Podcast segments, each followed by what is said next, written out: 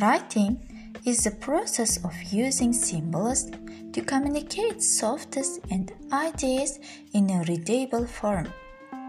Generally, we write using a pen, pencil, or a keyboard. With pen, we usually write on a surface such as paper or whiteboard. Writing is the first of the four language skills, which are listening, speaking, reading, and writing. In our own language, writing is usually the first language skill that we learn. To write clearly, it is essential to understand the basic system of, a, of grammar, punctuation, and sentence structure.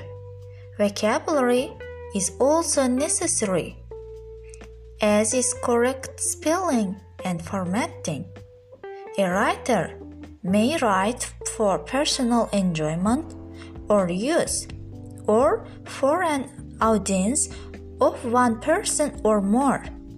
The audience may be noun or noun.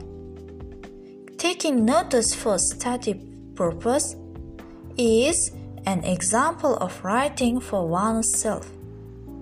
Blogging publicly is an example of writing for an unknown audience. A letter to a friend is an example of writing for a targeted audience. As with speaking, it is important to consider your audience when writing. There are many different styles of writing, from informal to formal.